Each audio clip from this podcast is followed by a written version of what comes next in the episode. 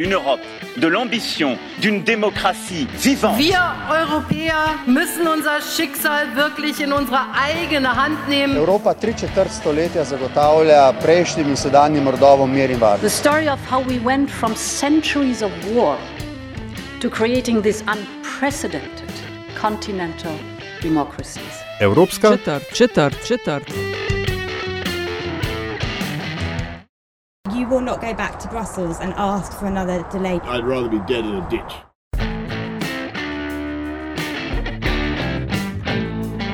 Spoštovane in cenjeni, dobrodošli v podkastu Evropska četrt, podkastu o vsem, kar vas bo zanimalo o Evropski uniji, pa niste vedeli, koga vprašati. Evropsko četrt vodiva Aljaš Pengovpitenc In Nataša Briški. Podcast domuje na spletni postaji metinalista.si, v vašem nabiralniku pa sveža epizoda takoj, ko je na voljo. Združeno kraljestvo je 1. februarja po treh preložitvah, nekateri bodo rekli končno, izstopilo iz Evropske unije. Za osvežitev spomina, davnega 23. junija 2016 so Britanke in Britanci na referendumu glasovali o izstopu po kampanji, ki so jo zaznamovale laži in manipulacije. 51,89 odstotka jih je glasovalo za izstop iz Evropske unije. Brexitu sva tudi v Evropski četrti posvetila že kar nekaj pozornosti, v tej epizodi pa več o tem, kaj se je že spremenilo, kaj se sploh še ni in kaj se še bo. Kličeva novinarja zunanje politične redakcije Slovenske tiskovne agencije Blaža Mohorčiča. Blaž zdravo. Živijo. Se pravi, um, uvodoma, kaj je drugače od 1. februarja dalje? Ja, od 1. februarja dalje v bistvu ni nekih bistvenih sprememb v odnosih med Združenim kraljestvom in Evropsko unijo, ker se je zdaj začelo v bistvu to prehodno obdobje, ki traja predvidoma do konca leta. In v tem obdobju Združeno kraljestvo ostaja del notranjega trga EU, carinske unije, pa tudi še naprej sodeluje pri drugih evropskih politikah. Je pa tako, da se za državljane, za podjetja ne spreminja nič bistvenega, naprimer glede potovanj, študija.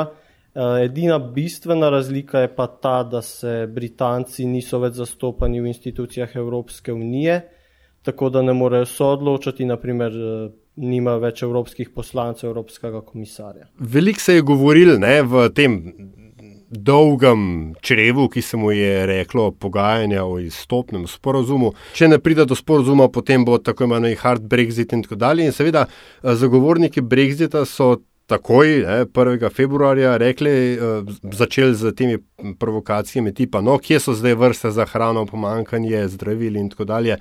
Uh, Razložimo, zakaj do tega ni prišlo. In, če prav razumem, je bilo veliko truda vloženega na obeh straneh, da do tega vendarle ne pride. Ne? Ja, v bistvu ravno zaradi teh vrst in tega, pač tudi na mejnih prehodih, če ne bi bilo tega uh, izstopnega sporazuma, če ga naprimer britanski poslanci ne bi potrdili, potem bi bile vrste pred uh, mejnimi prehodi, ker bi se znova vzpostavile meje. Zdaj so se pa v bistvu dogovorili, da ostaja v tem enotnem trgu in carinski uniji, tako da v bistvu teh ni nobenih, je vse enako kot prej, no, če malo poenostavimo. Um, pač v bistvu so se v, dogovorili EU in pač Združeno kraljestvo, da zaenkrat ostaja vseh teh, pri vseh teh politikah evropskih, pa tudi zavarovali so v bistvu pravice državljanov EU, ki živijo v Združenem kraljestvu in obratno pač Britancev, ki živijo v državah EU. Potem dogovorili so se tudi glede meje na Irskem otoku, um, tudi že v bistvu za po izteku prehodnega obdobja, kakšen naj bi bil ta um, režim na meji. Um, pa še glede v ta sporazum vključuje v bistvu tudi finančno poravnavo okrog 30 uh, milijard evrov, mislim, da, uh, ja, da so v bistvu um, te, da še naprej prispeva evropski proračun, no, uh, Združeno kraljestvo. O, Ja, eh, blaž čist konkretno, ker vem, da veliko ljudi to skrbi. Se pravi, če uh, potujemo, vem, da ste to vse raziskovali za rubriko Neja, ki jo delate. Če potujemo v Veliko Britanijo, se ne spremeni nič. Enako za osebno izkaznico oziroma potnim listom. Ja, tako je. V bistvu ni potreben vizum kot za kakšno tretjo državo. Potem še naprej lahko potujemo samo z osebno izkaznico, potnim listom potem eh, prav tako eh, bo še vedno veljala ta evropska kartica zdravstvenega zavarovanja, s katero večinoma potujemo po Evropski uniji. Pa potem mogoče, kar je še pomembno pri potovanjih, je, da uh, še vedno ne bo dodatnih stroškov pri uh, klicih oziroma pošiljanju sporočil, ker bo še vedno veljala ta uredba o mobilnem gostovanju, tako da bo enako, kot da bi se v Sloveniji klicali, eh, če bomo v Združenem kraljestvu. Mm -hmm.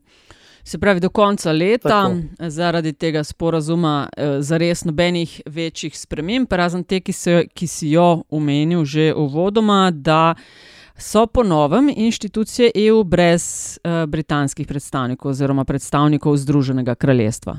Ja, tako je. V bistvu ni več Evropskega komisarja iz Združenega kraljestva, čeprav ga že od začetka mandata te zadnje komisije ni, ker ga Združeno kraljestvo niti ni predlagalo. Potem nima več predstavnikov v svetu Evropske unije, pa sodnikov na sodišču EU in pa tudi uh, evropskih poslancev. Um, predvsem pri poslancih so tudi druge države, no, če lahko kar še o tem, ja, um, da ni več teh 73 evropskih poslancev iz Velike Britanije, tako da se je zdaj število vseh poslancev zmanjšalo 751 na 705.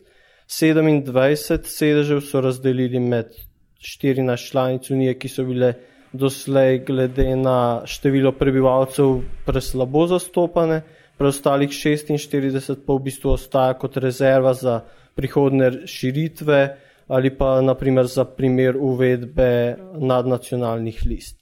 Največ poslancev po pet sta pridobili Španija in pa Francija, potem med državami je pa mogoče, če omenimo še Hrvaško, ki je pridobila enega poslanca in bo imela zdaj 12 na mesto 11.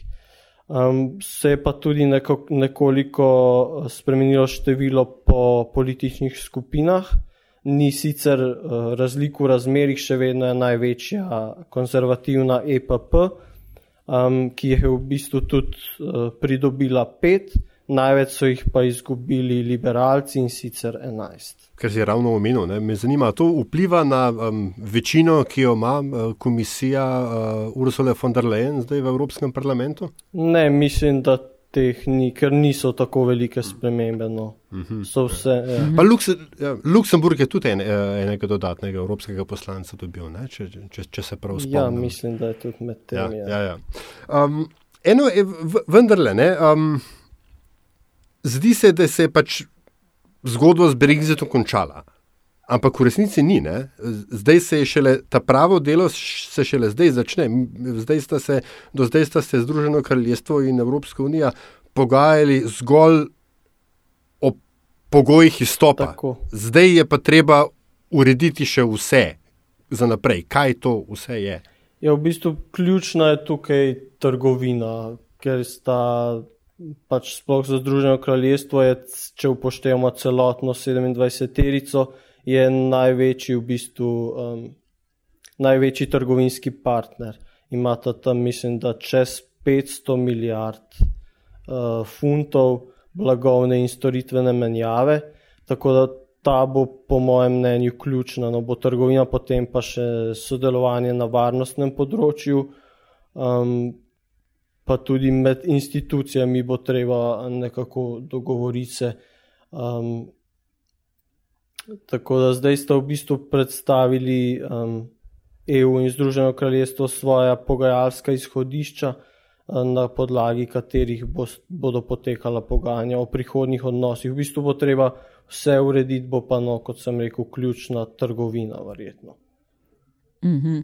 In to vse naj bi, vsaj tako pravi uh, premijer Johnson, uredili do konca leta, na kar mnogi zmajujejo z glavami. Ampak, če se ne dogovorijo, in verjetno je najverjetnejši scenarij, da se vsem pa res v 10-11 mesecih ne bodo uspeli, dokdaj morajo uh, zaprositi za podaljšanje, če, se, uh, če vidijo, da pač zaenkrat morda ne bodo uspeli.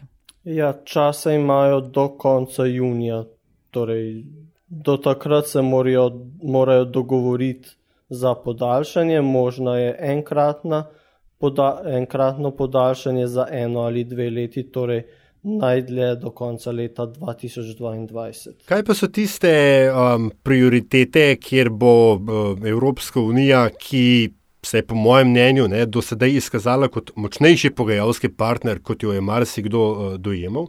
Uh, kaj so tiste prioritete, kjer bo absolutno ustrajala? Ne? Veliko se je v tem v času pogajanj o izstopnem sporozumu govorilo o, o štirih stebrih unije. Um, Ta hip, seveda, ne znam vseh štirih naštet, ampak. Um, Omenil si trgovino, ampak v končni fazi veliko, veliko um, poudarka, ne, je, gre tukaj na eh, pravicah in svoboščinah državljanov. Ne. To se mi zdi, da je tisto, kjer je eh, tudi v pogajanjih o Brexitu Unija vendarle postavila nogo in je rekla, da sem naprej, pa ne več. Je, bo, bo to še vedno, um, se pravi, z lepo slovensko besedo, cornerstone njihovih uh, pogajalskih izhodišč? Ja, v bistvu pravice državljanov, teh, ki so zdaj tam v Veliki Britaniji in ki bodo prišli do konca prehodnega obdobja, so v bistvu že dogovorjene s tem izstopnim sporazumom. Tako da tisti, ki so tam, tam oziroma ki živijo in se bodo preselili um, do konca prehodnega obdobja, te pravice so jim zagotovljene. Ne vem, bodo še naprej uh, pač imeli uh, uh, naprimer priznane poklicne kvalifikacije, pravice do pomoči za zaposlovanje pod enakimi pogoji, kot jih imajo Britanci, potem tudi enaka obravnava glede pogojev zaposlovanja, dela, pa tudi naprimer pravice otrok do dostopa do izobraževanja, pa um, obdržali bojo pač pravico do zdravstvenega varstva, pokojnin in drugih socialno-varstvenih prejemkov. Tako da glede teh, um, ki so tam, pač je načeloma dogovorjeno. No. Kaj bo pa zdaj s tistimi, ki bodo po prehodnem obdobju, se bo pa treba načeloma dogovoriti v teh pogajanjih. Se pravi, blaž, če povzamem, do konca leta se glede potovanj, življenja tam, eh, zdravstvenega zavarovanja, mobilnih klicev in tako dalje, ne bo zares nič spremenilo, kako bo naprej, bo odvisno od pogajanj eh, v tem letu in vnaprej, evropske inštitucije pa ponovem brez britanskih predstavnikov. Tako. Ok, in kako planirate na STA, ti si eden tistih, ki Brexit uh, bolj intenzivno spremljate, kako boste zadevo pokrivali, kakšne imate načrte? Ja, v bistvu mi posebnih načrtov si sploh pri Brexitu, ki je zelo uh, spremenljiva stvar. Um, težko si zastavljaš, ne vem, pol leta naprej, kaj boš pripravil. Pač treba je sproti videti, um, kako se dogajanje razvija. Naprimer, Brexit, sami stop so trikrat preložili in smo si vem, pred 29. marcem lani že malo pač načrtovali, kako bomo pokrivali, pa potem sploh ni bilo Brexita. Tako da načeloma se sproti odločamo, je pa kakšne mogoče bolj poglobljene prispevke pripravimo pred pomembnejšimi prelomnicami, tako da zagotovo bomo kaj pred tem eh, junijem, oziroma preden se morajo dogovoriti o podaljšanju eh, tega prehodnega obdobja, pa potem morda kakšne analitike pokličemo za bolj podrobno analizo, um, tako da se kar sproti no, odločamo, mm -hmm. kaj bomo. Uh, Blažmo, ja, izvolj, Aljaš. Um, hotel sem reči, samo lahko sploh planirate dopust?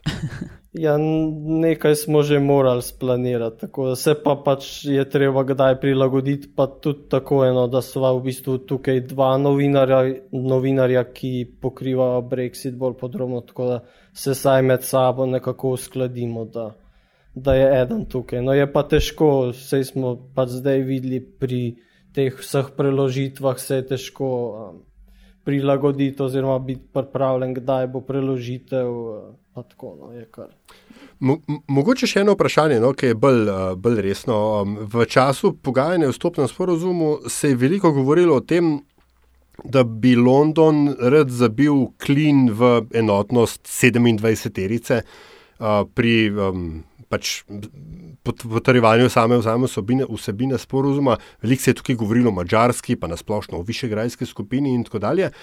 Kolikšna je pa zdaj verjetnost, ko govorimo zdaj pa o, o kot sem na začetku omenil, o trgovinskem, predvsem trgovinskem sodelovanju, ne, kjer ima pa seveda vsaka članica dosti bolj specifične interese kot zgolj ohranjanje enotnosti Evropske unije. Koliko je pa verjetnost tukaj, da bo prišlo tukaj do neke divergence znotraj EU? Ker, če prav razumem, eh, Mišel Barnier, glavni, zdaj še vedno glavni pogajalec, tokrat za pač prihodne odnose z uh, Združenim kraljestvom, je nekako predstavil svojo, svoje pogajalske sodišče, ampak čla, države članice morajo to še potrditi. Ne? Ja, države članice bodo potrjevale, mislim, da 25. februarja ta izhodišča je pa glede tega enotnosti, verjetno bo pač saj je mogoče pričakovati, da bo vseeno mogoče malo več eh, različnih stališč, kot jih je bilo zdaj pri teh pogajanjih. Pa, bo pa verjetno, pa če bodo enotni, bodo imeli tudi večjo pogajalsko moč, uh, kot če bojo vsak, vsak svojim. Vsak s svojimi stališči. No, je pa prednost v tem, da imajo pač enega pogajalca in uh, Mišel Barnier, um, ki je po moje, mislim, da je zelo se izkazal, oziroma da je neki izkušen diplomat, ki se zna pogajati in da mu tudi zaupajo države članice. No, da, Um, bo zagotovil neko enotnost, oziroma zastopal ta stališča, ki jih bodo potrdila. So pa verjetno uh, tudi že zdaj vsaj malo usklajena med državami članicami, da ni kar sam neki po moje predlagal. No. Hmm. Blaž Mohorčič, STA, najlepša hvala za pogovor. To je bila Evropska četrt, 44. v podcast Vesolju. Hvala za vašo pozornost, mnenja, pohvale in kritike, ki jih delite z nama. In lepa hvala tudi za investicije, ki jih namenjate razvoju in produkciji naših vsebin. Avtor glasbene podlage je Peli iz Afna Hishon Band. Če pa vam je vsebina všeč, bo pomagalo, da nas najde še kdo, če naj jo ocenite pri vašem izbranem podcast ponudniku. Sicer pa hvala za vašo družbo in se slišimo prihodnič.